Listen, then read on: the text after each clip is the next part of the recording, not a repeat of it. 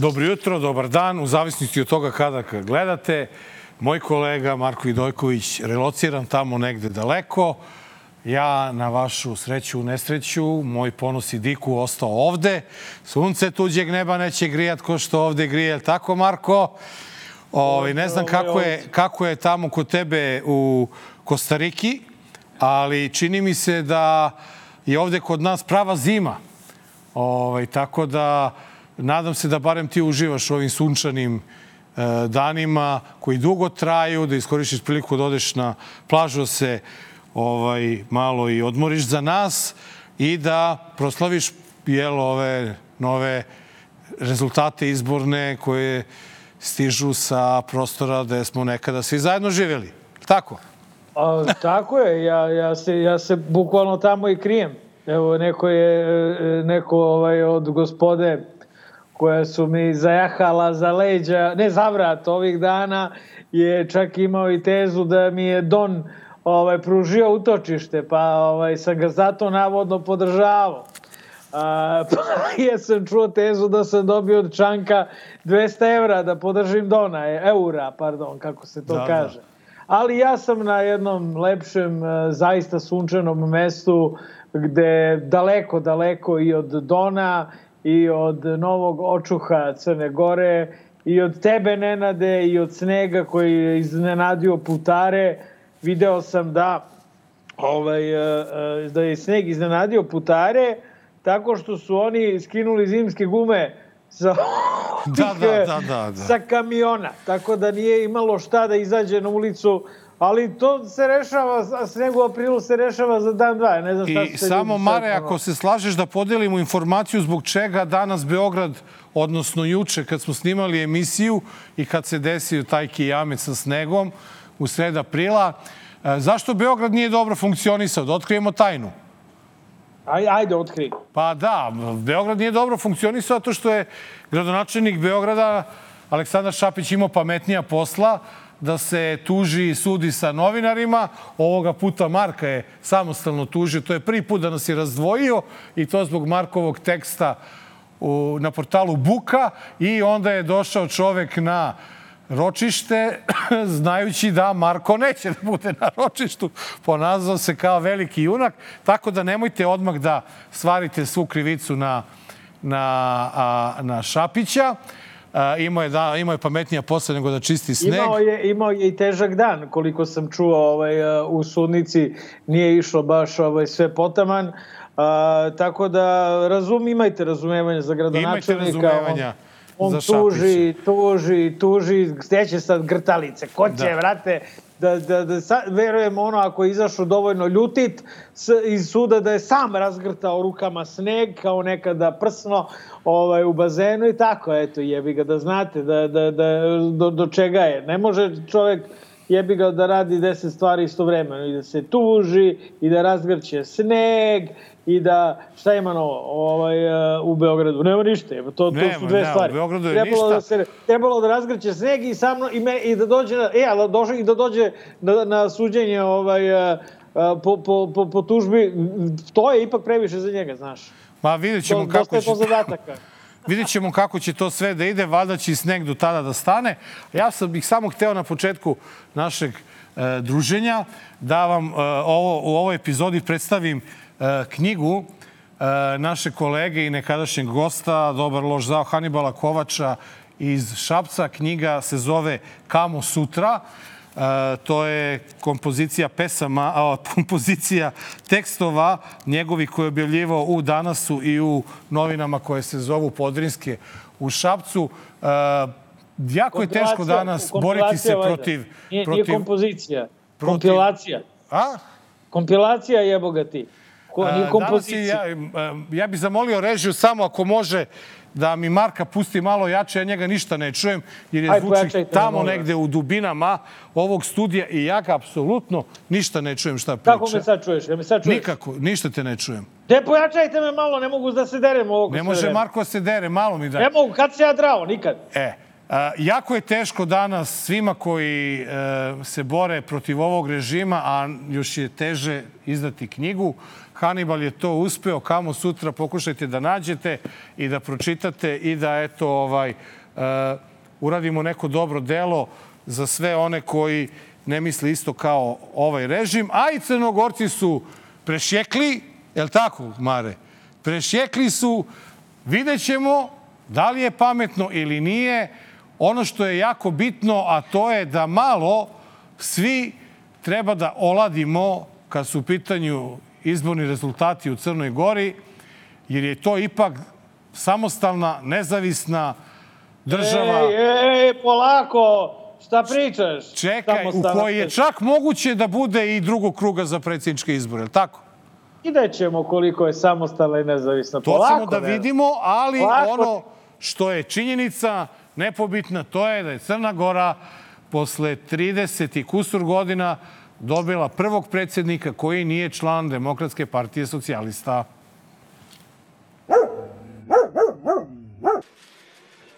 Večeras je noć koju smo čekali više od 30 godina. I neka nam je sa srećom ova pobjeda svih nas.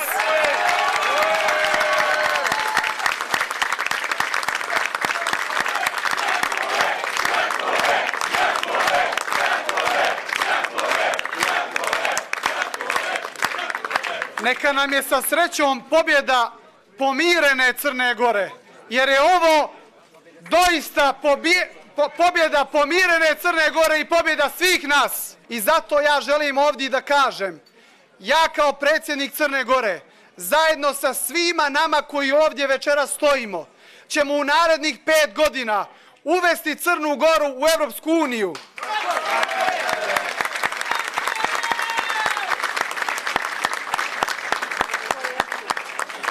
Takođe, nikada više iz Crne Gore neće ići trzavice prema bilo kojoj zemlji Zapadnog Balkana i prema našim susjedima i komšijama.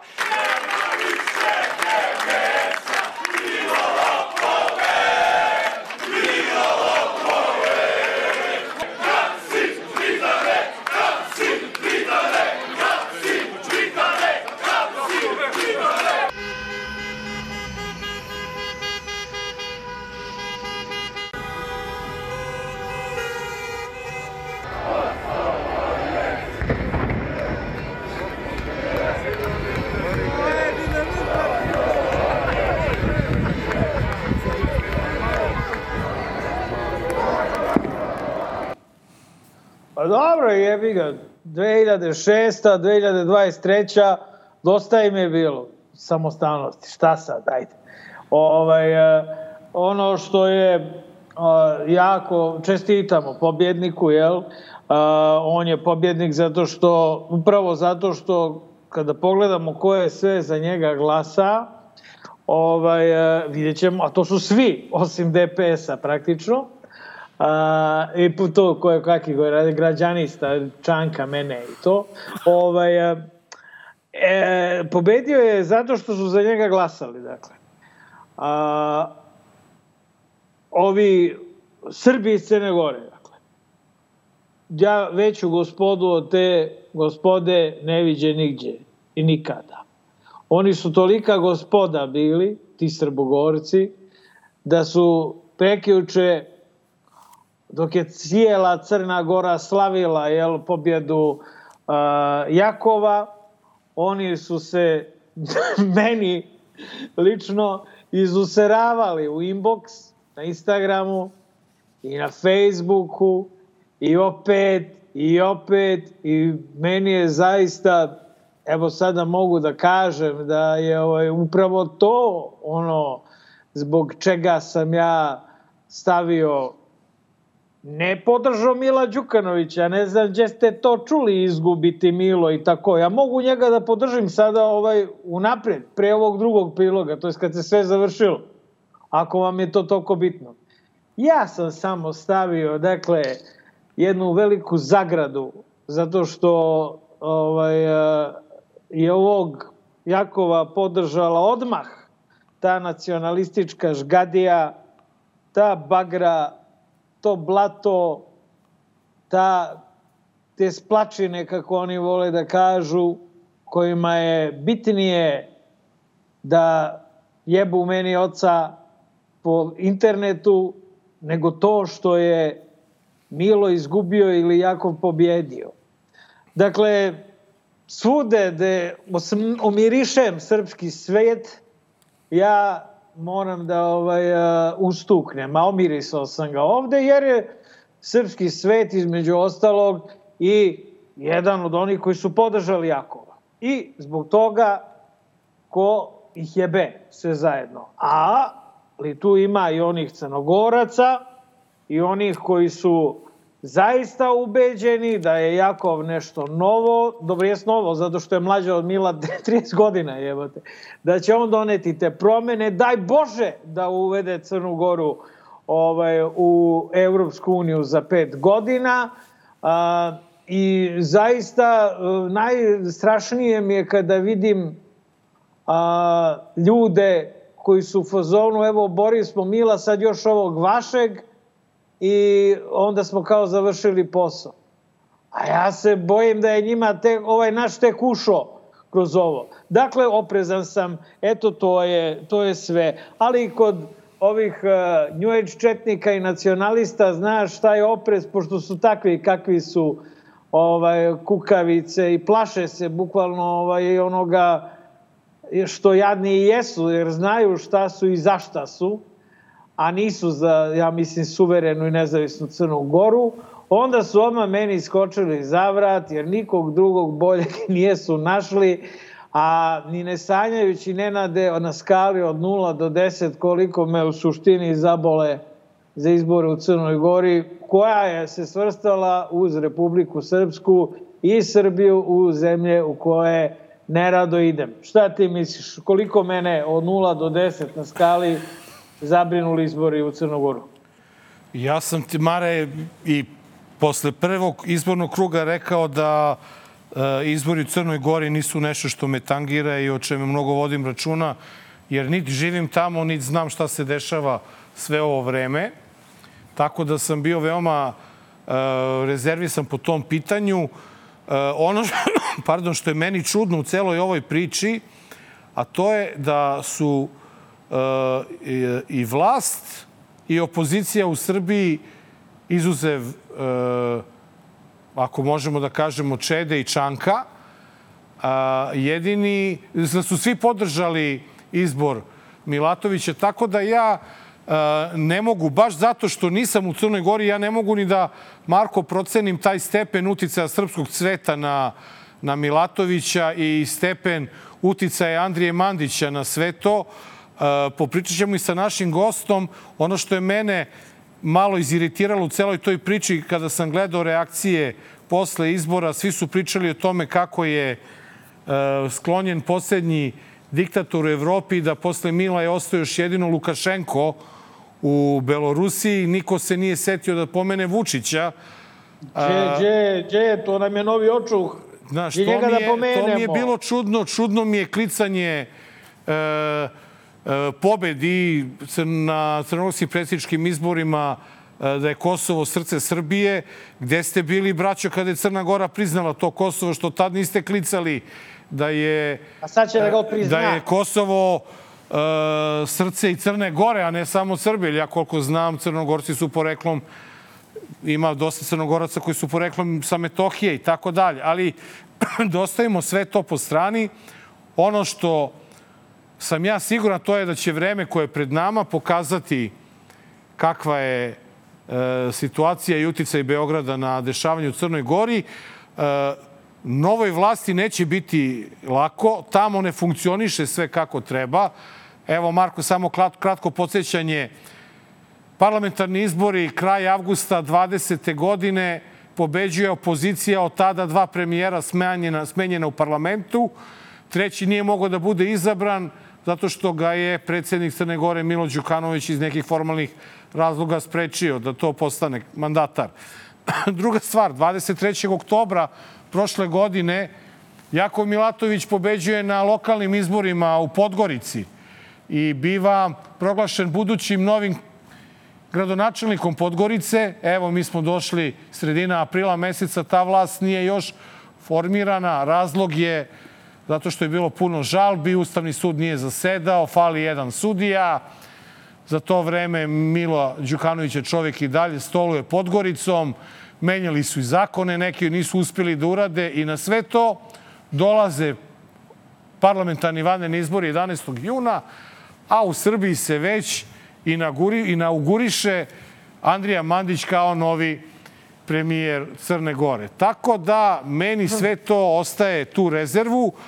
Nije mi se još upalila alarm lampica, ali lampica za predostrožnost mi je upaljena, barem što se tiče mog osjećaja prema Crnoj Gori, tako da, Mare, tu smo negde sličnog stanovišta. Ja samo imam malu rezervu, jer i ljudi koji su demokrate i koji su, e, da tako kažem, jel, normalnih političkih uverenja, podržali su izbor Jakova za predsjednika Crne Gore. To, to jeste, ovaj, neću da kažem problem, to je i bio problem ovih izbora, znaš, zato što s jedne strane imaš Mila Đukanovića koja je svoju ekonomsku politiku bazira na uvozu banana, jel? I, ovaj, i razvoženju banana i preprodaj banana i znaš kad tako ovaj, ustrojiš ekonomiju tvrdo od 30 godina to traje a, jebi ga ne pada se sa vlasti ovaj, tek tako dakle imali smo ozbiljnog ovaj, biznismena jel, ovaj, unutar sivih i crnih zona kao šefa apsolutnog tatu Crne Gore. Ovaj, I sada imamo ovaj, sigurno gomilu ljudi koji je bilo u fazonu dosta, bre, brate, više, ajde, bre, odjebi. Što je s jedne strane popuno razumljivo. Druge strane, ja imam tu, ovaj, a, kako bih rekao, ovaj, a, imam, imam taj kredit, a to je da mogu da znaš, ono se ispovraćam na svakoga ko pravi koaliciju sa bagrom koja meni preti sa, sa, izvin, sa, sa gospodom hrišćanima koji između dve litije meni ovaj, se poseravaju već godinama u inbox, dakle nema veće žgadije od njih.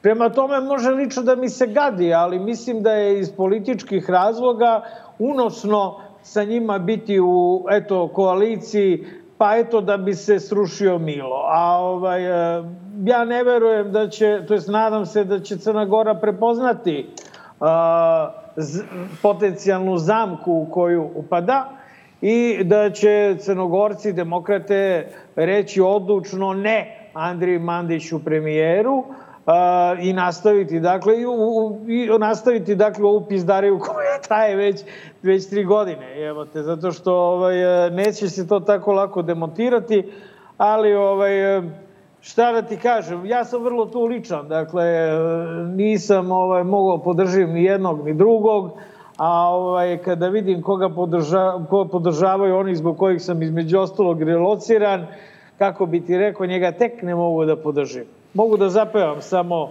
evo za kraj ovoga pre, pre drugog priloga, a to je ove, ona naša stara jednom sam probala te tvoje usne od čemera i ko će ovo ludilo da otera? Jednom sam probala i srca da te izbrišem a svako proleće na 2023. miriše.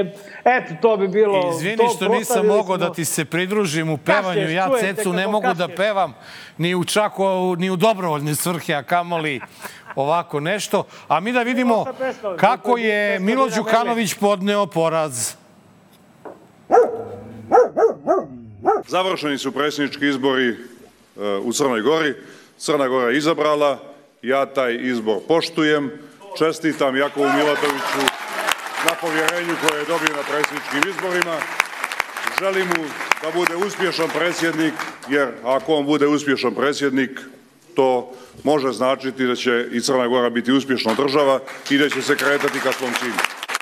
Mislim da je sada jako važno da Crna Gora napravi uh, i sledeći izbor, to je onaj koji je zakazan za 11. jun, to su parlamentarni izbori. Crna Gora, nažalost, nema vladu, da Crna Gora ima zalutale institucije, te institucije ni u ovom izbornom procesu nijesu bile na visini zadatka. Ne želim, ne želim ni riječ da kažem na tu temu. Ja sam čestitao rezultate izbora, ali institucije su se, nažalost, pokazali u ovom izbornom procesu veoma slabim i jako je važno da Crna Gora posle 11. juna dobije vladu koja će biti u stanju da je odgovorno vodi putem do evropskog cilja. Poštovanje. Danijela Lasica, televizija Vijesti. Sad ste pom...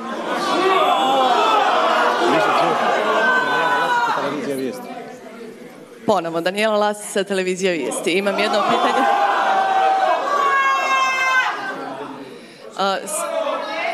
Sami ste pomenuli da je danas očekuju parlamentarni izbori. Parlamentarni izbori. Da li te parlamentarne izbore dočekujete kao lider partije? Da li te parlamentarne izbore dočekujete kao lider partije i da li ćete biti nosilac liste DPS-a? Ne čujem. Jeste, 200 evra sam dobio da podržim, ne, 150 evra sam dobio da podržim ovo. Od mene ode nam tajo, ode nam tajo, što ćemo sada? Ajoj, ode tajo, ode tajo. Jedna me cura pitala Crnogorka, jel kaže, šta kukaju svi, ne znam koji su to svi, a vidim da se svi raduju, ovaj, ode Milo ko da nam je tata otišao. Ja kažem, pošto se oni ponašu kod tata Crne Gore 30 godina, sad vam je doša očuh. Doša vam je očuh iz bratske Srbije i to znaš kako to ide u domaćim filmovima, očuh sklon alkoholu, e. Ovaj, ono čega se ja pribojavam. Dakle, ovo je stvarno, ovaj, šta sad jebote, ovaj, tuga je. Ode Milo. Ovaj, E, koja je Mila? Dakle, idemo mi opet nazad na Jakova. A, dakle, ovo što sam sad rekao, to je ono čega se ja odista i plašim. A, mislim da tajna Nenade u tom opštem a, podržavanju Jakova a, u, u, za predsednika Crne Gore u Srbiji dolazi odatle što ovde žive, mi smo tamo kod vas žive sve sami crnogorci. Mi to koji nismo poreklo crnogorci uopšte ne, ne uviđamo, ne uzimamo u obzir jebote. Znači, neko ko je poreklom iz Crne Gore, verovatno Mila mrzi više no, očuha koji, ovaj, koji voli da popije jel, i koji ga bije. Dakle, zato i opozi, kad pogledaš opozi, evo i naš bivši predsednik Boris Tadić, jebote, on je ugled, njegov otac bio ugledni crnogorac, srbogorac.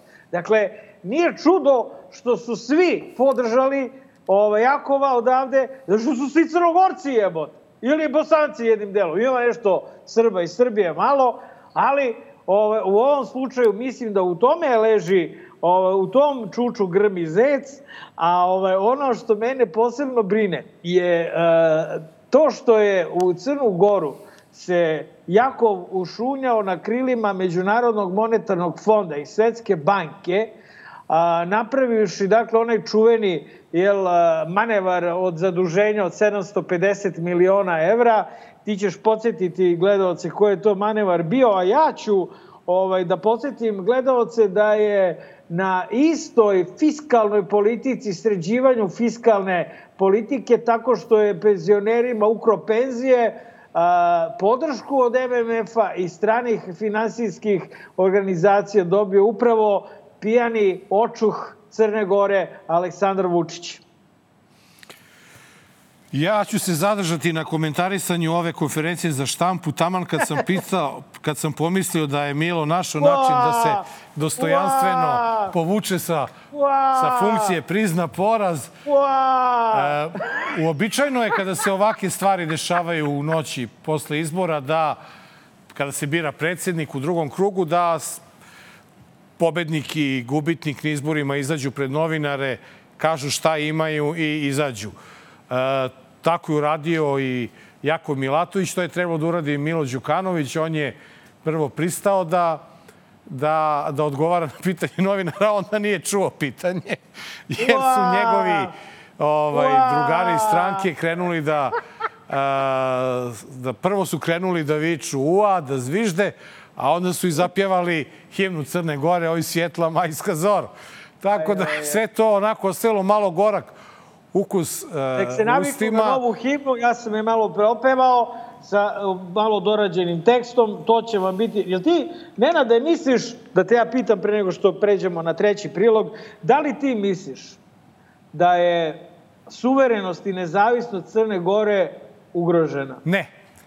Ja, ja sam poprilično siguran da ta tri sna, prvi, drugi treći, koji snivaju uh, kako Srbi u Srbiji, tako i Srbi u Crnoj Gori, neće se od toga ništa desiti. Prvi san je da povuku priznanje uh, nezavisnosti Kosova. Čak i da hoće to da urade, nema potrebe jer je ovaj naš sve to priznao umeđu vremenu. Drugi, uh, drugi san je da izađu iz NATO pakta, što se neće desiti. I treći san uh, imaju da se poništi odluka sa referenduma o samostalnosti Crne Gore.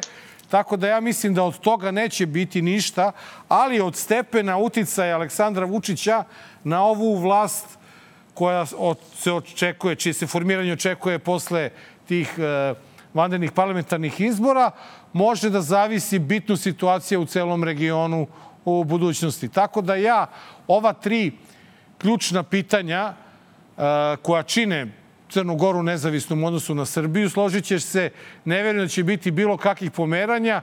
Izuzev, ako se ne desi da Andrija Mandić ne razvali i sam nema nadpolovičnu većinu na na prestojećim parlamentarnim, nikad. Nikad a to nema šanse da se dođe, jer su crnogorci ono, je, ajde, da, da ne uvredim nikoga, ali braća, stvarno smo kao jedan narod. Srbi, crnogorci, da se ne lažemo. Kako reagujemo mi, familija, tako reagujete i vi. Mi se okrenemo kada nam neko bude izabran za predsjednika, svi trčimo ka njemu, tako ćete vi sada svi da trčite ka, ka Jakovu, tako da ja ne očekujem ta tri ključna e, politička činioca nezavisnosti iz Crne Gore da ni na koji način budu promenjena, kao što se ostalo Marko nije desilo ni posle osvajanja parlamentarne većine avgusta 2020. godine, kao što vidiš. Da, da, daj Bože da, da tako i bude. Ovaj, e, iskreno ne bih voleo zbog svih uh, dobronamernih crnogoraca koji pre svega svoje zemlje žele dobro, ovaj, a put ka dobrome u ovom paklu zvanom zadni, Zapadni Balkan je nekad i nemoguć. Ne bih voleo dakle, da se situacija dodatno komplikuje. A, I dobro, ajde, idemo dalje. Šta da, ono, dosta Crne Gore. Uh, pošto i kada smo najavljivali emisiju, gledalci su nam skrenuli pažnju i nemojte samo celu emisiju Crnoj Gori. Nećemo, nećemo. Naravno, nećemo celu emisiju nećemo. Crnoj Gori. Uh, I stvarno pokušavamo da ovu emisiju rasteretimo i, i, i mi od utice Aleksandra Vučića tako da ga na sreću neće biti u prvom delu, ali takođe na sreću biće ga u magarećem kutku. Ali ono što je stvarno uh, poražavajuće za društvo i za državu u kojoj živimo jeste što i dalje nikako da naučimo i da naučite, pre svega vi na vlasti, da slobodno, slobodno ljudsko biće ima pravo na slobodno mišljenje. Ja bih volio da moje čerke žive u nekom društvu koje nije obespravljeno, gde, instituci, gde institucije su nezavisne, gde imaju svoju ulogu, da sve može da funkcioniše kako treba. Mi već 30 godina živimo u društvu koje ne funkcioniše u tom smislu. Da. Znači, uh, ta priča da je, da je pre, pre 10 godina bilo bolje, nije bilo naravno bolje, jer da je bilo bolje ne bi bilo sada gore. Tako da, eto, to, to, to, tako bi nekako rekao to. Malo mi se digla kosa više na glavi od tih akti, Facebook aktivista. Izađite, braćo Mile, na ulicu. To su ko ovi, ovi veliki Srbi, ovi desničari. Ja, Kosove, srce Srbije. Skupite se, braćo, 10.000, idite, rokajte se sa bancima, šibajte se, jebote. No. Ajde, rokaj, idite, osvojite Kosovo, jebote. Ajde, evo, skupite se 10.000 junaka, pa pičite, pa tamo rokajte se. Nego mene ovde maltretirate i, i, i, i ordinirate mi po mozgu. Ovaj, prvo mislim da vid intervjua u kolima nije dobar jebote. Zato što zna se da agresija kad se u kolima raste, naročito u Srbiji, u kojoj se ne puštuju uopšte saobraćeni propisi, u kojoj agresija inače na visokom nivou i siguran sam da naš mladi glumac nije zaista mislio da neko treba da ide na Kosovo da se tuče sa Albancima, nego je to prosto metaforički hteo da pokaže kolike su kukavice oni koji se a, busaju u prsa Kosovom, a ovaj, iza tastature, iza svojih mobilnih telefona. Ali upao malo, brate, ovaj, upao je u pizmu, jel? Zato što je ovaj, u kolima.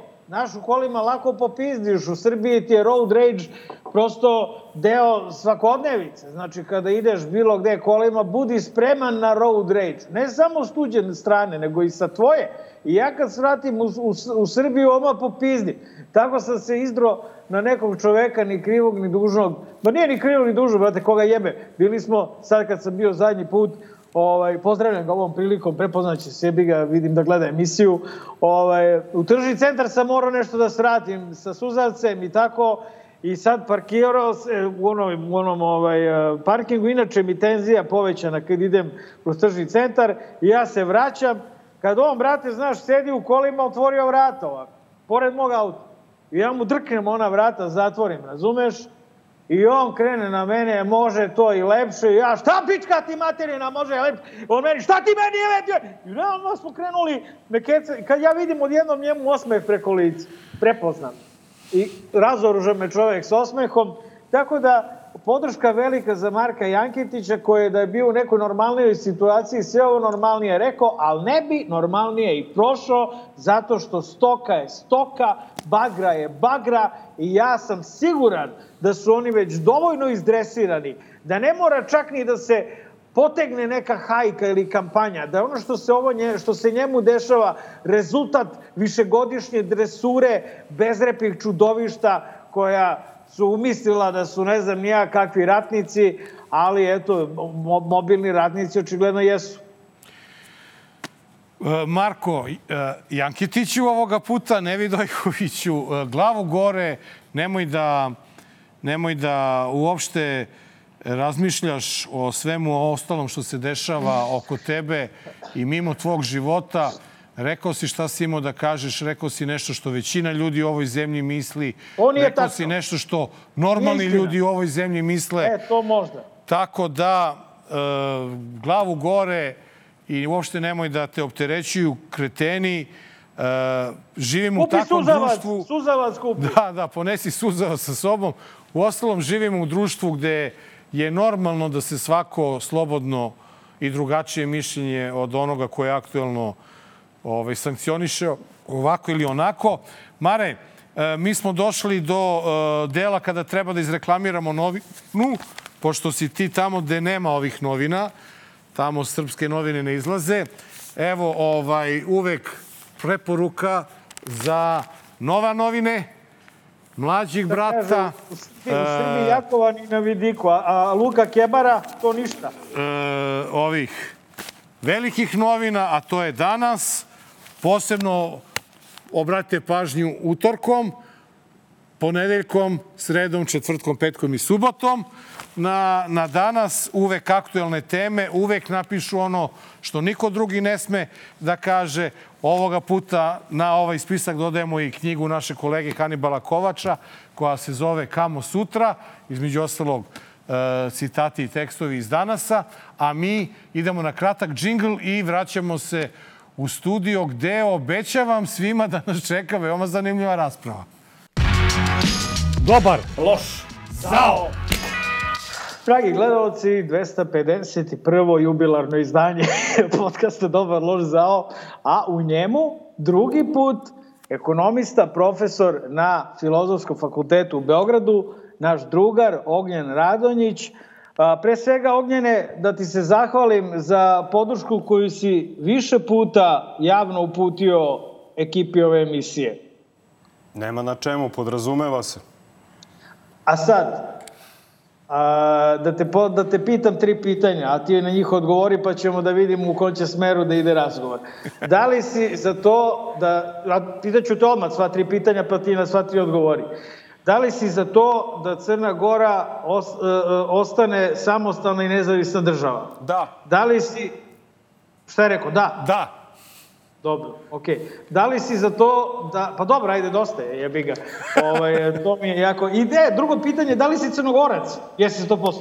Ne, ne, moj otac je poreklom, ja sam beograđanin, rođeni beograđanin, ali sam detinstvo proveo tamo, a iz detinstva nadalje svake godine idem tamo često, imam puno prijatelja, rodbine i tako dalje, da sam, tako da sam vrlo vezan za Crnu Goru. Dobro, ovaj, e, i, i takvi kao ti ovaj, ste i podržali Jakova e, za novog predsednika. A, čestitam vam, ja sam objasnio svoje razloge zbog kojih sam ovaj, imao rezerve prema njemu, a to su nacionalisti koji su ga takođe podržali. I da krenemo u analizu tog događaja. Ajde, izvoli, udri. Pa dobro, ajde, mislim sada, uh, ono što sam video u vašim klipovima ovde koje ste izdvojili, prvo, a, početak izlaska Mila Đukanovića bio zanimljiv. On nije mogu da dođe do reči jedno 3-4 minuta jer su pevali razne patriotske pesme i tu. A onda ovde kada se javila ova novinarka vijesti, tu su uh, urlali dosta dugo. Na kraju on se zapravo pravio da nije čuo, a onda je izašao i nije odgovorio na pitanje. A što se tiče ove druge, koje sam takođe pratio uh, ovaj, obraćanja javnosti, uh, e, e, e, i da se vratim. Ono što je takođe tu Milo Đukanović rekao, nešto što je meni zapalo, je da će Demokratska partija socijalista i dalje biti na braniku odbrane crnogorskih nacionalnih interesa. Da je rekao interesa države, to bi bila jedna, jedna ovaj, misao, ali crnogorskih nacionalnih a, interesa, to već a, ipak znači, što ja inače mislim na njega, za njega da je, on je inače jedan čovek sličan vrlo ovima ovde na vlasti, a to je da on zapravo nema ideologiju, da mu je jedina ovaj, jedini mu je cilj da ostaje na vlasti, ali da je on u velikoj meri zapravo koristio crnogorski nacionalizam u borbi protiv srpskog nacionalizma. E, to je ono što mi je zapalo. A što se tiče Milatovića, on je više govorio o tome da treba da se bore protiv korupcije, što ono jesu uh, glavni problemi u Crnoj Gori i, i oni su vrlo slični uh, kao u Srbiji. Korupcije, kriminala, a, velike nejednakosti u raspodeli dohodka, bogatstva i tako dalje. Mislim da je to poenta i da na tome stvarno svaka vlast, ne samo tamo nego i ovde, bi trebalo da, da insistira upravo na tim pitanjima. Ono što je takođe paralela po meni između te vlasti u Crnoj Gori i ovo je jedan brutalan odnos prema pre svega nezavisnim medijima. Ja ću samo podsjetiti da je tamo od 2004. ubijen Duško Jovanović, a, novinar koji je istraživao veze organizovanog kriminala, odnosno šverca duvana i vrha crnogorske vlasti, da to pitanje i dalje nije razrešeno, a da je već 2008. Milo Đukanović bio pozvan da bude saslušan u Bariju upravo u vezi šverca cigareta. Naravno, od, tog, od te priče nije bilo ništa, jer se on uglavnom štitio državničkim funkcijama, tako da je zanimljivo da vidimo šta će se sada dalje dešavati. Potom 2009. 2010. tu su bili brutalni napadi na novinare vijesti. A, tu je bilo 12 fizičkih napada, od kojih je najteže bio 2009. godine kada je sa teškim telesnim povredama prošao Mihajlo Jovović, koji je urednik bio vijesti i njegov kamerman, zaboravio sam ime, preziva se a, Pejović. Napao ih je gradonačelnik Podgorice Miomir Mugoša sa svojim sinom, koji je bio tada zaposlen u Crnogorskoj ambasadi u Vašingtonu i njihovim vozačem. I Mihajlo Jovović je završio u bolnici, a Pored toga, ja mislim da imaju četiri ili pet zapaljenih vozila i eksploziv im je bio postavljen ispred zgrade vijesti. I a, 2020. je ubijena novinarka na Malti koja je, čije je zapravo centar istraživanja bilo upravo Milo Đukanović, odnosno veze e, vrha vlasti u Malti, Crna Gora, Azerbejdžan i kineska kompanija koja je gradila vetroparkove u Možuru u, Ulcinju. Tako da sa te strane takođe povlačim paralelu organizovani kriminal, nepotizam, partijska država, bukvalno pretvaranje javnih resursa u privatne. Tu ima brojne afere, ne znam koliko imam vremena da pričam o tome, ali ovaj, posebno povezane sa njegovim rođenim bratom koji ima prvu crnogorsku banku. To je bila ta poznata afera a, ka, kako je zaradio milion evra, jel, tako što je a, a, a, firma Mila Đukanovića otkupila od prve banke a, akcije, a, vlasničke udele, a vlasnik prve banke je njegov brat. E, onda je iste te akcije prodale trećoj firmi a, po pet puta većoj vrednosti. Zaradili su milion evra čisto, a ta treća firma je uzela kredit od prve banke da, od, da otkupi te akcije. Ili poznata ta afera Limenka kada je Aco Đukanović kupio u centru Podgorice ovaj, jedan plac na kojem je bila smeštena policijska stanica. U predviđenom roku policijska stanica nije bila izmeštena i onda je Aco Đukanović tužio državu i dobio oštetu od 10 miliona evra. To su samo neki primeri da ja sad ne bi... Ovaj, ti si pominjao banane, svega je tu bilo. Da ne bi, znaš šta, ja bi glava da mi bude na ramenima, pa sam rekao banane, razumeš, nisam rekao ono drugo. Ono što mene brine, a siguran sam da brine i građane Crne Gore, a, to je, da li je a, na ovaj način, ovim izborima, a, jedan organizovani kriminal prokrčio a, znači polako ispada iz igre, nadajmo se, a da je drugi organizovani kriminal upravo onaj iz Srbije se polako sada preliva u Crnu Goru. Da li je ovo zapravo bila borba između dva mafijaška klana? Pa ja apsolutno ne da ne sporim, nego takođe mislim da ovaj režim direktno u Crnoj Gori deluje preko demokratskog fronta.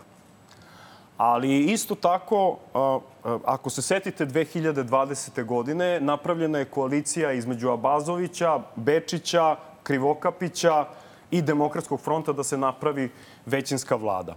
Ako se sećate, Krivokapić je pao tako što su se udružili DPS, Demokratski front i Abazovićeva URA. Za, šta je bio, ako se sećate, jedan od razloga zašto je, a možda i najvažniji zašto je Krivokapić pao, a Krivokapića prozivaju kao srpskog, uh, talibana Srpske pravoslavne crkve i tako dalje bilo je to što se on, zato što je ministar pravde Leposavić izjavio da nije nedvosmisleno utvrđeno da se u Srebrnici desio genocid. Krivokapić je reagovao i rekao je da nije dostojno jednog ministra da dovodi u pitanje odluke međunarodnih sudova i zatražio je njegovu smenu. I tu je zapravo izbio sukob. Demokratski front je prestao da podržava Krivokapića i Krivokapić je pao. A Krivokapić je u vladu doveo i Jakova Milatovića i Spajića. Dakle, to je prva stvar. Onda je pala Abazovićeva vlada tako što se Demokratski front udružio a, sa DPS-om, ali se onda i, i, i demokrate Bečića su se pridružili. Bečić se revanširao zapravo bio Abazoviću. Zašto je Abazović pao? Zato što je potpisao temeljni ugovor sa Srpskom pravoslavnom crkvom, a poenta je bila i ta, po mom dubokom uverenju, da Srpska pravoslavna crkva nije htela da potpiše temeljni ugovor sa Krivokapićem zato što on zapravo nije bio pod kontrolom Srpske pravoslavne crkve, ove iz Beograda i niti Vučićeve vlasti. Kada imamo sve ovo u vidu što, što si sada ispričao i ono što smo i Marko i ja rekli, E,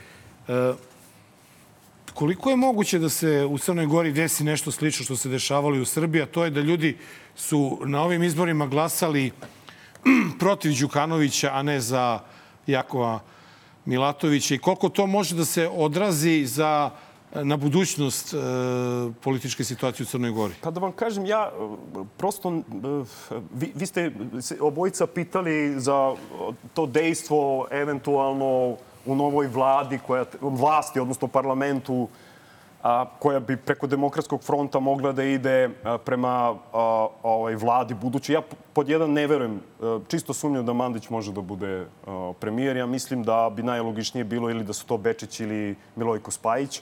Ja mislim da se to neće desiti. Ne kažem da neće biti ministarstava možda neka data, ali da će takva funkcija biti data, to ne verujem. I ja mislim da će to biti prvi znak odbrane zapravo tih interesa koji dolaze iz a, Beograda, mogućih tih loših, da kažem, uticaja. I takođe, ja mislim da, da bi bilo dobro da Milatović da a, ostavku na svoju stranačku funkciju, jer ja i mislim da je to a, jedan prvi signal da će neko stvarno ima iskrenu nameru da bude građanin a, svim, predsednik svim građanima Crne Gore, što poput Vučića ni Milo Đukanović nije, nije uradio.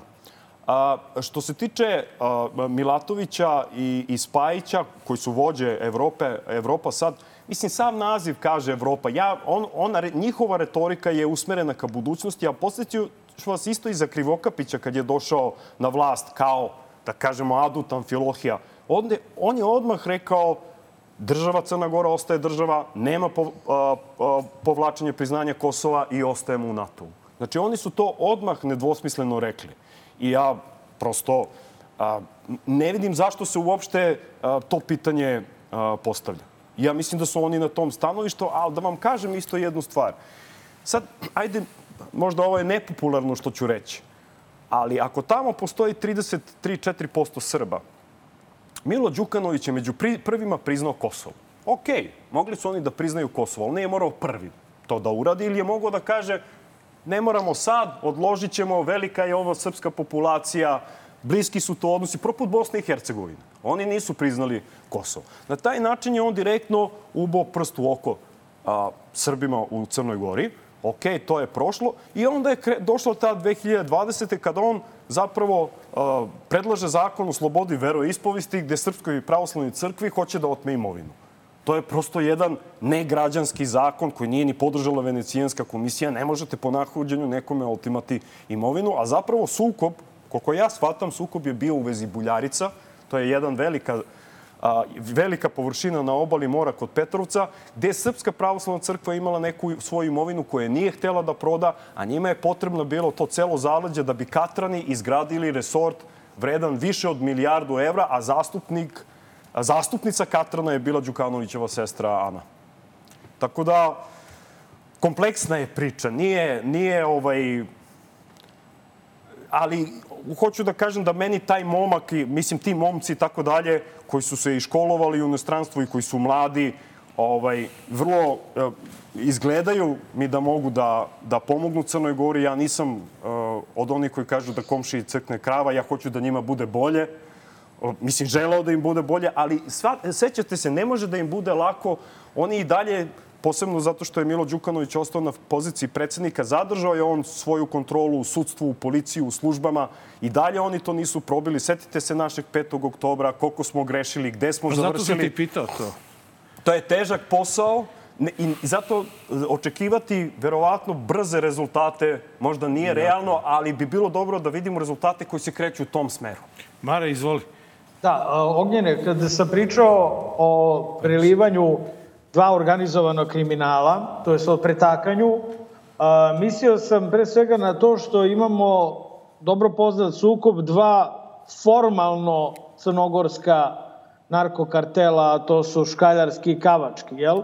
Tako A, da li misliš, a, to sam htio da te pitam i da li želiš to da komentarišeš uopšte, pošto su to pipave teme, da će doći možda do obračuna sa organizovanim kriminalom u Crnoj Gori, što bi bila zaista velika stvar za ceo region, ili ono što sam te zapravo pitao, da će iza tih političkih igara koje ćemo moći da gledamo, da prisustujemo, ko će biti ministar, ko će raditi ovo, ono, ispod da se radi radnja kao što se u Srbiji radi radnja ispod, uh, ispod tog formalno političkog uh, cirkusa koji imamo svakodnevno priliku da gledamo.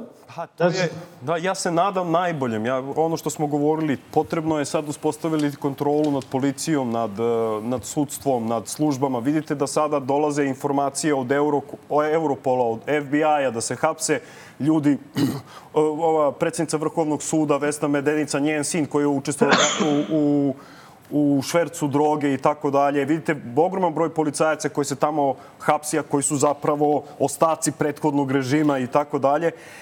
Ja se nadam, meni deluju kao ljudi koji mislim da bi hteli da se bore protiv organizovanog kriminala, a, a ako hoću da, da, da na pravi način to postavim, i u, u, posebno u malim državama, ne postoji organizovani kriminal bez patronata države ne postoji. I Kavački, i Škaljarski, i Šarić, i ne znam ko sve ne.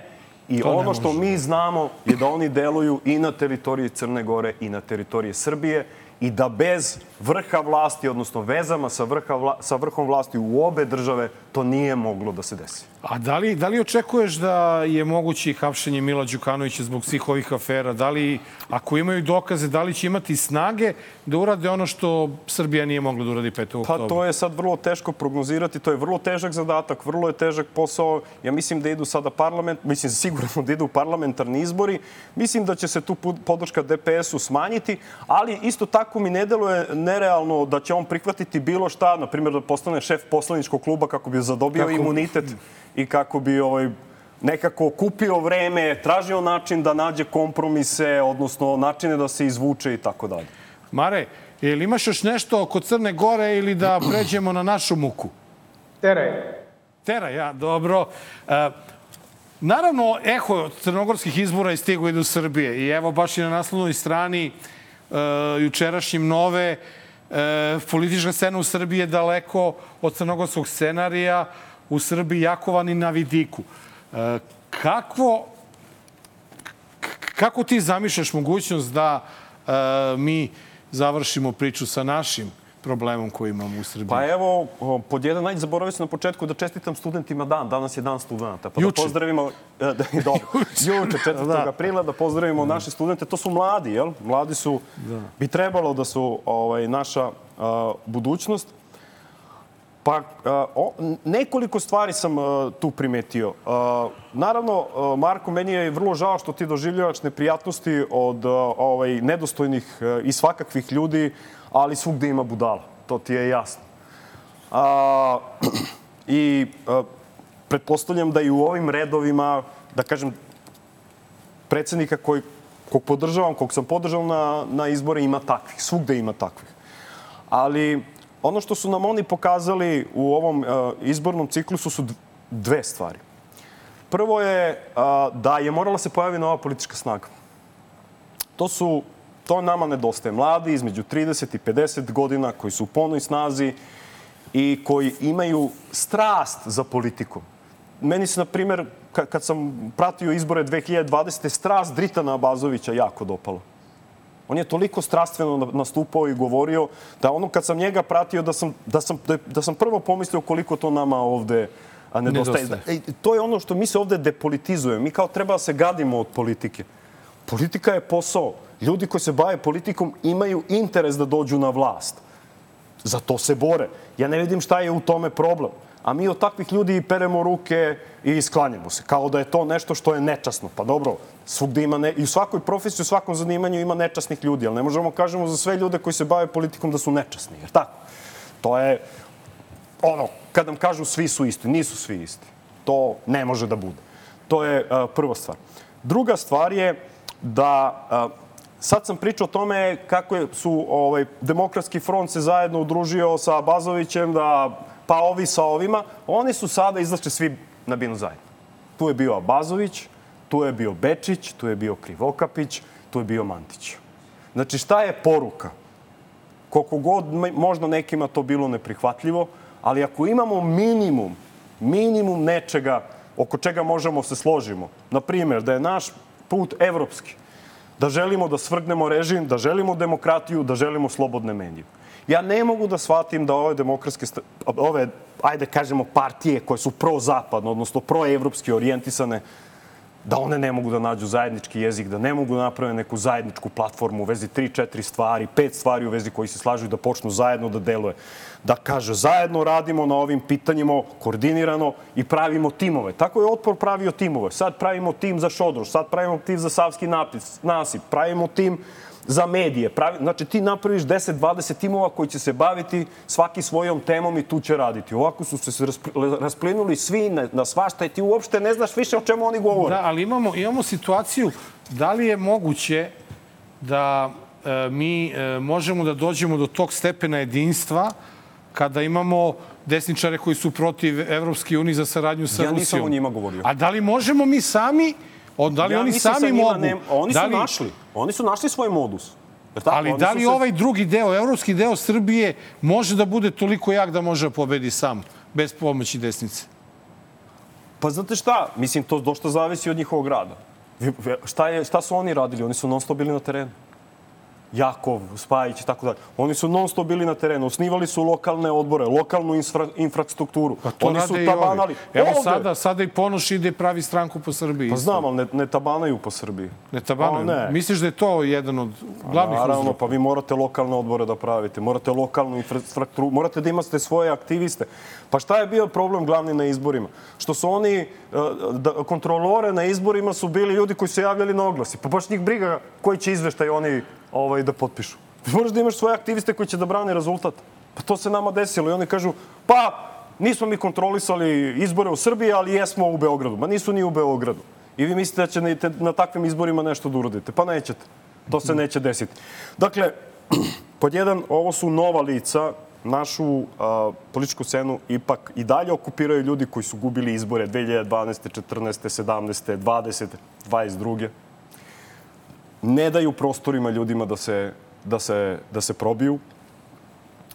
A druga stvar je, morate da nađete neki zajednički jezik, da se ukrupnite, da se udružite i da vidite da li možete da postignete sinergetski efekat. Jer pogledajte kod Mila, koja je njegova bila slogan? Milo nego ko? Znači na sebe je mislio. A koji je slogan bio ovaj, Milatovića? Zajedno. Uspjećemo zajedno. On se setio slogana zajedno. 96. Tako je. I posle, kada smo pobedili, odnosno, ajde, da tako kažemo, kada je oboren Slobodan Milošević.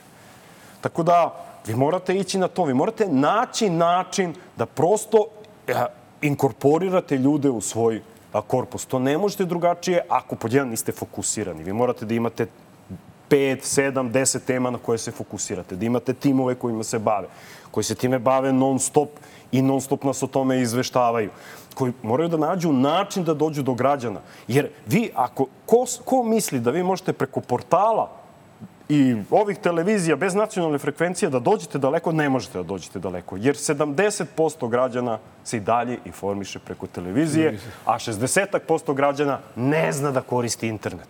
Mare? A, imali smo ipak ovih dana a, jedno ujedinjenje sve moguće parlamentarne opozicije oko toga da mora da se, uh, ispravit ćeš me Nenade, jebi ga, ali da, ovaj, da Skupština ponovo počne da, da radi. Znači da se skupštinski rad oblokira. Jer Skupština... Kompletna, kompletna uh, skupštinska opozicija imala je u ponedeljak sastanak gde su se dogovorili oko zajedničkih principa i načina delovanja u Skupštini Srbije. E, da.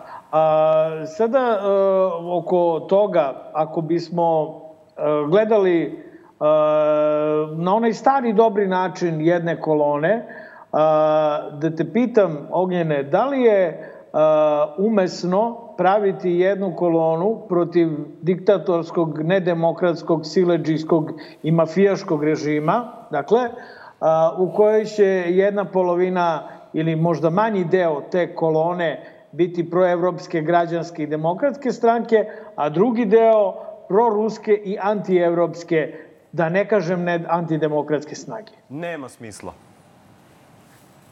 Znači, vi morate da imate najmanji zajednički sadržilac. Najmanji zajednički sadržilac za svaku političku partiju je vizija budućnosti.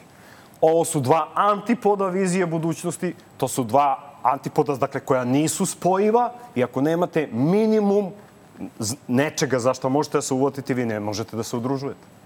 Zato mi je i bilo e, čudno to što su se svi živi udružili protiv ovaj, e, Tata Mila i samo im je DPS falio na onoj pozornici, naročito kad imamo u vidu kako je DPS mešetario u poslednje tri godine, dakle od takozvanog rušenja DPS-a i kada imate dakle otvorene nacionaliste na svojoj strani. Kod nas je situacija, rekao bih, još gora, jer imamo pozi... Evo, ajde da te pitam, baš me zanima tvoje onako mišljenje, to mi ne možemo znati, zato što su to zakulisni dogovori, koliko u srpskoj opoziciji ima takozvanih trojanskih konja vlasti? Da. To je dobro pitanje. E, Ja mislim da, recimo, u ovom desnom krilu ima puno. Ne znamo koji su izvori finansiranja. Ja negde i sumnjam da ovaj, na neki način vlast finansira desne opcije. Zašto? Zato što je njemu važno da pokaže da od njega postoje gori i da je on samim tim prihvatljiv sagovornik za Zapad, što jeste. On je to i pokazao. A to smo videli i ovim brojnim preletima. Šta je onaj POX i tako dalje, pa preno 3, 4, pa pređe njih, 100, pređe njih 120 i tako dalje. Vi, ja mislim da to ima puno spavača koje će on aktivirati po potrebi. Kako bude bilo ove Kako potrebe. bude? A, a u Da. ovom drugom delu? Pa verovatno ima, verovatno ima, ali mislim da to nije dominantno. Ovde su dominantne sujete i ovde je dominantna borba u vezi nečega što oni nemaju. Oni kao da imaju vlast i kao da imaju resurse da. i otimaju se za to, Al- a toga nema. Ako smijem da primetim, baš su Marko i ja nešto komentarisali. Bilo je nekoliko opozicionih skupova tribina unutrašnjosti Srbije gde su bili Zeleni, Ne davimo Beograd, Demokratska stranka i Ponoš. Znači, uopšte nije bilo uh, SSP-a, Narodne stranke i PSG.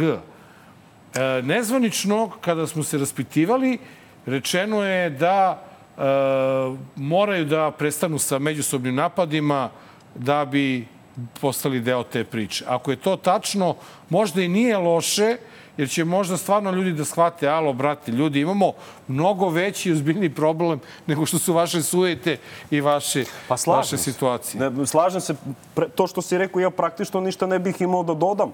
Ali, sem s toga da kako stoje stvari, Narodna stranka ne može da pripadne ovom bloku koja traži zaštitu od Rusije i Kine. E, a, pošto nam je pitanje sa Twittera e, odnosi se na izbore u Crnoj Gori, Mare, ako si teo da još nešto da pitaš, pošto imam probleme sa zvukom, pa moramo tako da komuniciramo i da idemo dalje. Ovaj, pa ne, hteo sam samo da, ovaj, da, da imam jedno dopunsko malo pitanje, a pitanje sa Twittera možemo i da preskočimo. Mislim, Ne, ne, sve preskočit čovek... ćemo, ali teo sam da pitam nešto drugo, ali izvoli ti pa ću ja onda. Hteo sam da pitam samo da li se Ognjene tebi čini da je ekološka agenda ona na kojoj e, nekako građani uspevaju da se pa ne znam baš ni da li je onaj broj ljudi na Šodrošu ili na Savskom nasipu, ali očigledno da je ekolo, ekološka agenda e, nešto što bolje pali kod građana Srbije od, na primjer, borbe protiv organizovanog kriminala ili mafijaške države ili urušenja svih institucija.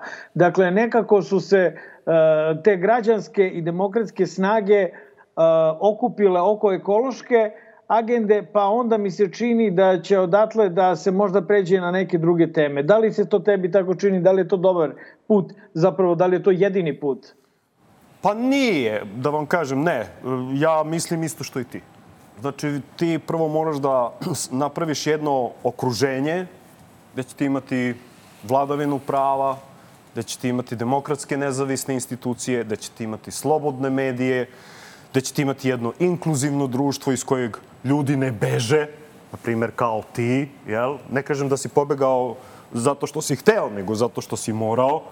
Ovaj, da se, dakle, to su preduslovi da vi stvorite jedno stabilno okruženje u kojem na jedan demokratski način sa svim kapacitetima koje možemo da uključimo, možemo da razgovaramo o ekološkim problemima i da ih konstruktivno rešamo.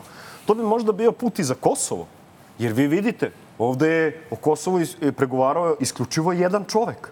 A mi nismo uključili institucije. Mi ne znamo čemu su oni tačno razgovarali. Da li su tu i mogli da budu neki kompetentni ljudi, da li su tu isto mogli da se nađu neki ljudi sa nekim konstruktivnijim predlozima. Jer ovo ide sada na zajednicu srpskih opština sa zdravstvenom, obrazovnom, Pa da bi dobio barem nešto. eto. Autonomijom, ali to nije prava autonomija. Ti ljudi će ostati tamo nezaštićeni. E. A, I samo da kažem za te ekološke pokrete, legitimna su to pitanja, ali se oni nikako ne mogu rešavati van šireg okvira, upravo tog okvira o kojem si govorio. A prvi preduslov toga da se posvetimo tom okviru je da prestanemo da govorimo, da se gadimo politike. Mi ne smemo to da radimo. Zašto? Zato što je politika svakodnevni deo našeg života. To je neodvojivo od nas. Od kad izaćete iz kuće, vas neka kulturološka, obrazovna, ekonomska, zdravstvena politika ima uticaje na vaš život. I to je prosto a, neodvojivo. I ono što smo videli na Šodrošu, gde je bilo 15 ljudi, kako su ih pohvatali, a ovde da je na Savskom nasipu bilo preko hiljada ljudi, kako su se povukli. Povukli, da. I to je vrlo važno primetiti. A, hoću da vas obojicu podsjetim, e, danas, na današnji dan, pre godinu dana, prošlo je dva dana od e, izbora 3. okt- 3. aprila 2022. godine, a nešto kasnije su nam obećani beogradski izbori, te za šest meseci, A te za godinu dana, A Aleksandar? Vučić. Kome? Aleksandar Vučić je obećao u razgovoru sa Draganom Đilasom i rekao imaćete izbore. Mi te izbore e, nismo, Se, šta se smeškaš? Se nismo smeška dočekali, a i umeđu vremenu mogu, moram da priznam da ni opozicija mnogo nije ni tražila, insistirala na, te, na tim izborima.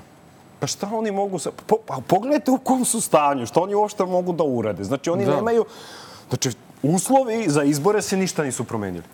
Oni su još gore nego što su bili. Bili, da. Jer tako, mi smo ovde imali brojne te pregovarače, na kraju smo saznali da jedan pregovarač sad lobira za Telekom, da se izostavi izveštaj. Da, da, da, ovaj, da. Mislim, za 2020. su posredovali, za 2022. su posredovali, pa su sad posredovali za razgovore, za uspostavljanje dijaloga u Skupštini i tako dalje. Oni samo služe ovde da legitimizuju ovu vlast, da bi ova vlast isporučila sve što je neophodno, odnosno što je obećano.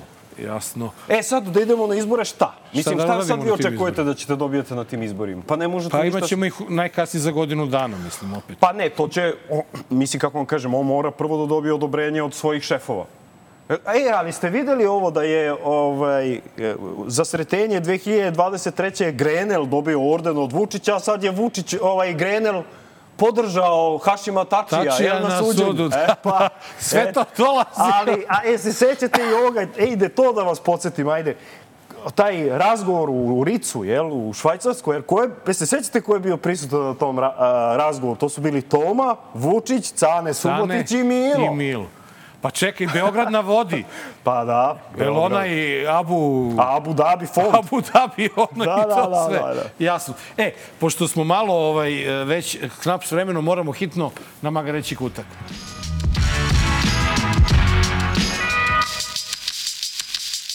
Magareći kutak, 251. što bi rekao Mare, prvo jubilarno izdanje u novom četvrt hiljaditom periodu.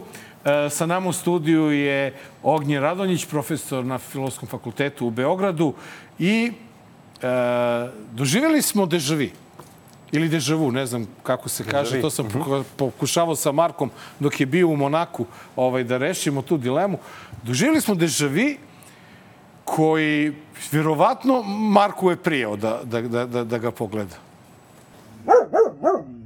We need to taste something. Stevan, I Морамо нешто да пробамо. Questions? Any questions?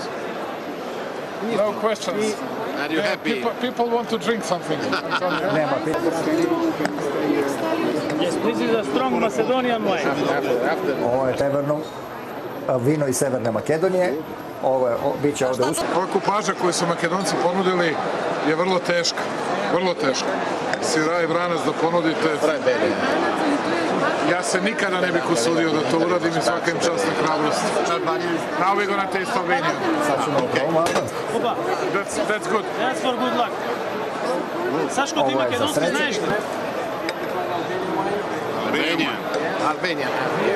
Dopo avete salvato un primo giro vino e cani nella promozione, metà della promozione, ora state per la conclusione Prima ti a fare... No.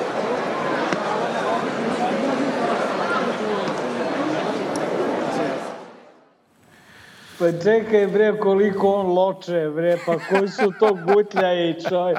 Jer za, pa ja sam mislio da je deci zabranjeno da, da, da prisustuju, o, da piju alkohol, je li? Da. Da, šta smo ovo videli na kraju? Ovo je na kraju, to je inače jedan od najpoznatijih evropskih finskih sajmova u Veroni, čuveni sajam i pošto dete radi u nekoj vinariji, otišao je dete tamo da prisustuje najpoznatijem i najbogatijem vinskom sajmu u Evropi. A ja vidim da je on tu, kao što ovaj, je dobar drugar sa Orbanom, koji ovaj, voli ovu zastavu Velike Mađarske, koja podrazumeva i Vojvodinu, Da. vidim da je dobar drugi sa Ramom, koji voli ovaj, zastavu Velike Albanije. To je prvo što mogu ovde da vidim. A drugo, što mi se čini, kao da je utapao tugu zbog crnogorskih izbora. kad je se onaj napio, kaže jednom kad se napio za, kad je ubijan Đinđić, Đinđić, da. evo sad kao da utapa tugu. Da li, mi smo već videli kada mu je Aba, Abazović pobegu sa Megdana jednom na sajmu vina u Beogradu. Ali tu je ima Onomad, ono da. Suzi da ga kontroliše. Vidim, Da. nema Suzi. Ne- Suzi nema mu je govorila, stanite. Dobro. Međutim, e, obično posle... Da, Mare, ti imaš tu teoriju da, da ti je Vučić simpatičan kada, kada popije. Ti je bio simpatičan i ovde. Ma, izuzetno mi je simpatičan.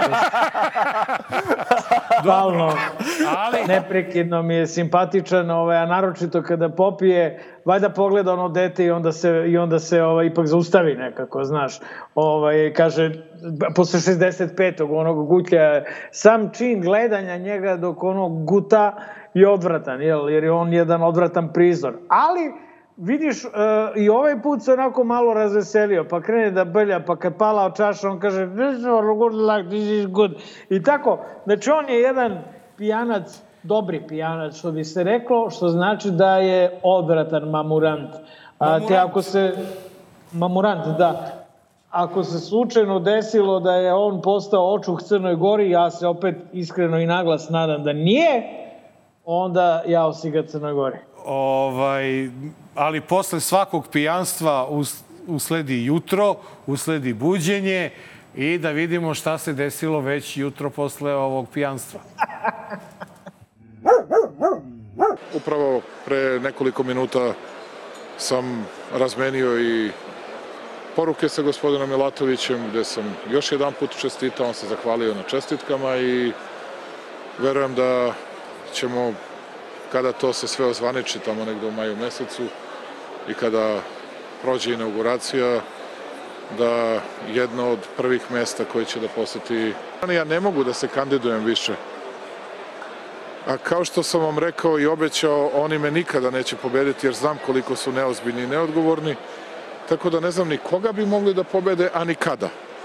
Ali to govori, to je kada vam mozak pomrači ne alkohol ili droga ili ne znam šta, već nešto mnogo teže od svega toga. A to je patološka mržnja, kad više ne možete da razmišljate. Jebote. Ovaj, e, znate šta, ja, dragi gledalci i dragi crnogorci, ja prihvatam unapred izvinjenja zbog svega što ste me grdili i tako, jer ja kad čujem da ovaj, on ovako opušteno priča o novom predsedniku i, bude li ovaj prvo došao u Beograd, jel, men, meni se već ovako pomalo pre, prevrće želudac, jer podsjetit ću vas, a, organizovani kriminal i mafijaški klanovi ne rade zauvek jedni s drugima nego umeju da se pokarabase. Ali ovo jeste bio napad ovaj, mamuranskog, mamuranske zlovolje, a i brate pričao je Ognjene sve što si ti malo pre pričao. On je, on je upravo pričajući sa nevidljivim neprijateljem, ja sam u tom neprijatelju prepoznao demokratsku opoziciju Srbije, on sve ispričao što si ti rekao. Izgleda da on nehotično nekad kaže istinu. Da se to prosto ovaj, njemu, ali nije on sa nekim velikim entuzijazmom čestitao Jakovu Da, da. Milatoviću. Bilo je to bilo onako Mamuran, vrlo nevoljno, ja bih rekao. Mamurno, Nije mamurno. On... E, se sećate kako su dočekali ovde Krivokapića? Dočekao ga je Nedimović u farmerkama. farmerkama, Sećate da. se toga? A, a ono što isto zanimljivo, e, znate da od kada 2012. godine, od kada je Vučić na vlasti, nikada nije zvanično posetio Crnu Goru. Da. Posetio je samo privatno kad išao na sahranu uh, Amfilohiju Radoviću i tom prilikom je noć pre sahrane posetio rodnu kuću Andrije Mandića. A jer znate da i Milo Đukanović nema običaj da ide na TV duele, da je on za ovih 30 i nešto godina... Nikada nije bio... Imao je Momir Bulatović, Predrag Bulatović i sada ova dva, Andrija Mandić i I Milatović. ovoga, da. Dobro, Milo imao je nešto, ovaj nije imao Đukanović. ništa. A sad je morao. Milo, ne, Milo Đukanović je ovaj, inače izgubio zbog loše karme zato što je uh, odbio da bude naš gost, a mi smo ga lepo zvali. I rekli Ovaj, smo, ako hoćeš da pobediš, moraš da budeš u DLZ, brate. Da, brate, mi smo dobra karma. Ovaj, I na, naravno da će da pukne, eto, to ti je tako bilo. I to je bilo Nenade kad, još 2020. Moram da vam- Ja Ne, ne, mislim, hoću prošle, da- prošle da godine vam- u ovo vreme smo ga zvali, ja mislim. E pa super, meni je baš drago što je odbio. Dobro. A ne znam da li, da li osjećate poslednje dva dana, tri, malo, malo ne, nešto lepšu, lepšu atmosferu, neki, ne, ne, ne znam, možda čak i neki, neke prijatnije mirise i sve ostalo, a? manje zagađenje, manje. Pa gde je otišao u zatvor, ljudi?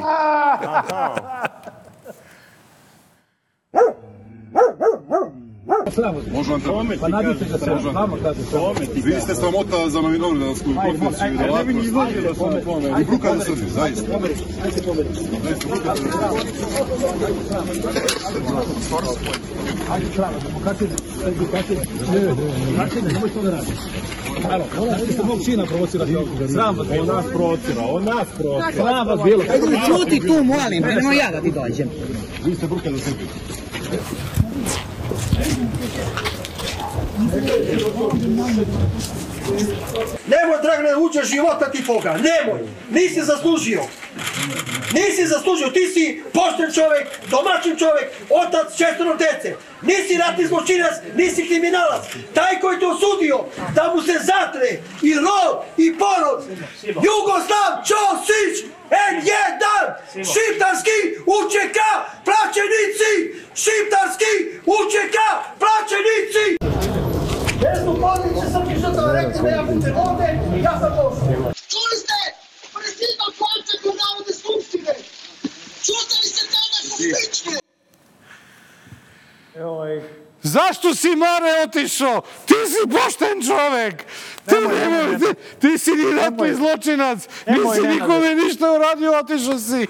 pusti, pusti Nenade, nemoj, nemoj. Nemoj, jednom sam već pusti. plakao, pusti me. Pusti, pusti Nenade, nemoj. Pa neka ovaj što je svog e, sina koji je ovako streljao očima ovaj, novinare i tamo se okupilo. A ko je bila svita koja ga je, koja ga je otpratila u zatvor? Je li, Nenade? Ko je bila?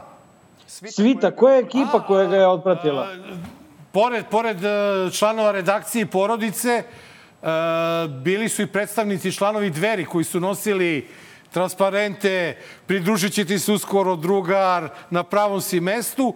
A ova reakcija je usledila zato što sina i, i Dragana je usledila zato što je jedan od članova dveri poklonio Draganu sapun za zatvor i onda se... Kako uopšte ti gledaš na ovu farsu? Pa evo ovako, nije ovo fars. Ne, a? Ne, ne, uopšte ovo nije farsa, ovo je vrlo ozbiljno pitanje.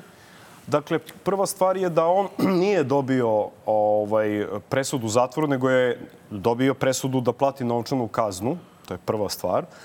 A on, presu, on govori da je osuđen na zatvor. Pošto nije odbio da plati a, novčanu kaznu, zamenjena je zatvorom u trajanju šest meseci. Međutim, koliko sam ja video, a, ne postoje sudska presuda, ako sam ja to dobro video, da je objavljeno, a, to je valjda poverenik za informacije, ne postoji sudska presuda da je novčana kazna zamenjena kaznom zatvora. To ne postoji. To prvo treba vidjeti o čemu se tu radi. A druga stvar je, što ja mislim da se iz ovoga krije je, da kažem, dekriminalizacija uvreda, odnosno da se izbaci iz krivičnog zakonika, da vi možete da vređate koga hoćete po svom nahođenju. Vi smo imali sada da je raskrinkavanje objavilo da je u prošlom godini bilo 1200 a, dezinformacija za koje su ti mediji dobili oko 800.000 evra. Dobili 800.000 evra. Šta je poenta? Kada ste vi krivično osuđeni, vi ne možete da konkurišete za sredstva. Ne možete da dođete do svojih apanaža. I mislim da se upravo o tome radi, da ovo da se izbaci Da bi se oza, ne bi bilo- ozakonio njegov način komuniciranja sa ljudima ne bi- i kroz novine i, njegove. na, na, I da ne bude krivično gonjen, odnosno osuđen, što je uslov da ne dođe, da dođe do novca ovo što država deli. Što i tako država dalje. deli, Tako, tako, je. dalje. E, um, imali smo jednu situaciju, stalno nas ljudi pitaju, a ko vam to preti, a šta vam to preti, ovo, ono. I evo sada, Jovanu bi zamolio sedam mali primer koji smo ovaj, e, doživeli od Đorđa Dabića, koji je minist, zamenik ministra, odnosno državni sekretar u Ministarstvu za državnu upravu i lokalnu samoupravu, suza suzu stiže. Živo me zanima ko je taj kome su smetale ove dve narkomančine, pa im je navodno pretio. Beograd je bar poznat po toleranciji, pa tako ni mnogo većim mrziteljima svega srpskog poput Nataše Kandić i sličnih nikada nije falila dlaka sa glave.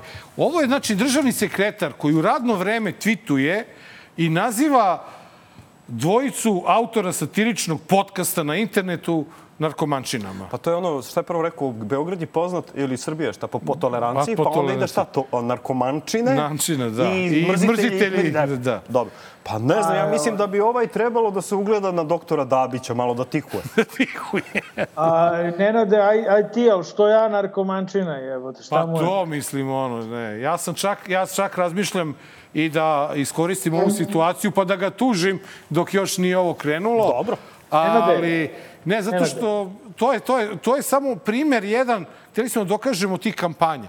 Jer ti kada vidiš koliko je ovo članova SNS-a retvitovalo, komentarisalo i postovalo... Pa što te to čudi, on ide tamo pravi ovaj miting u Vranju pa im deli pesmice koje će da pevaju. Pa, A, ne, ne, ne samo to, voleo bih e, da iskoristim ovu priliku da a, u- podsjetim, ne da podsjetim u stvari, nego da upoznam a, gledalce sa ajde, na stranu e, crnogorski Srbi, e, New Age četnici i, i ti moroni, da ih stavimo na stranu, A, mada ja svu tu bagru isto gledam i vrlo sam ličan kada je to u pitanju, zato što ne bi bio ovde desam da nije bilo njih i njihovih inspiratora.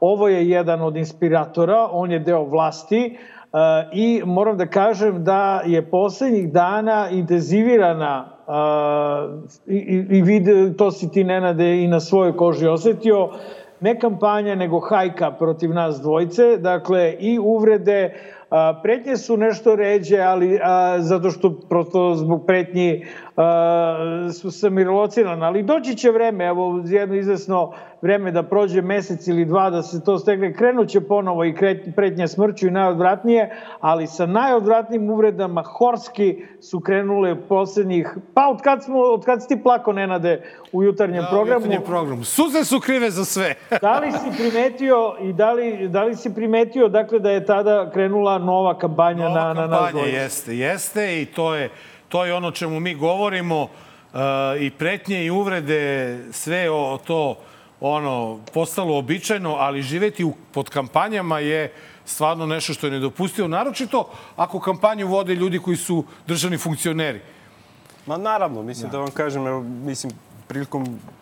Albert Camus je jednom rekao, od nas se očekuje da promenimo svet, mi znamo da ne možemo da promenimo svet, ali možemo možda da pokušamo da sprečimo da se potpuno raspadne. Pa da. Tako da, eto, šta da vam kažem, podrška. Marko, nadam se da ćeš se vratiti u Beograd.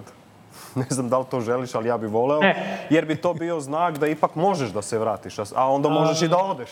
Da. Da, volao bih da mogu da odlučim da li ću da se vratim ovaj, u Beogradu. U ovom trenutku tu nisam u takvoj situaciji.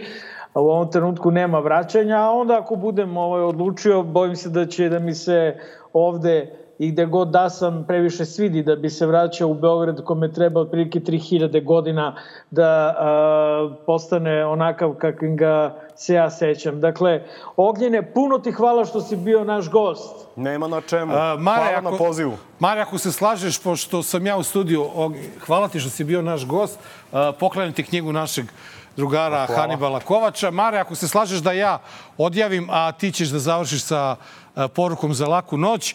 Bilo je ovo 251. izdanje emisije Dobar, loš, Zao, s vama smo svake srede, pa narednih sedam dana na portalu Nova RS i na YouTube kanalu. I ono što je bitno da kažemo, to je da je ovo jedini podcast u ovom delu sveta koji se nalazi direkt, pod direktnom zaštitom Međunarodnog PEN centra. Mare, izvoli. Pa te, samo moraš da me podsjetiš šta je laku noć. Jez da sam ga ja našao, sam si, ga, zaboravio. ti si ga poslao ono za trpavanje, ono šuti to, ono, ekološka svest i to. Sa Da, kamiona. ne, ne, nade, ti, ovaj, ništa, ja ću kažem, samo nemam zaboravio sam, ja bi ga gledalci, znate šta, bavi se ovde nekim potpuno desnim stvarima. Jest da sam ja poslao prilog za laku noć, a, iznenadit ćemo se i vi. Sada kad ga budemo vidjeli, ono što je najbitnije, učutati nećemo, vidimo se za 7 dana na istom mestu. Laku noć!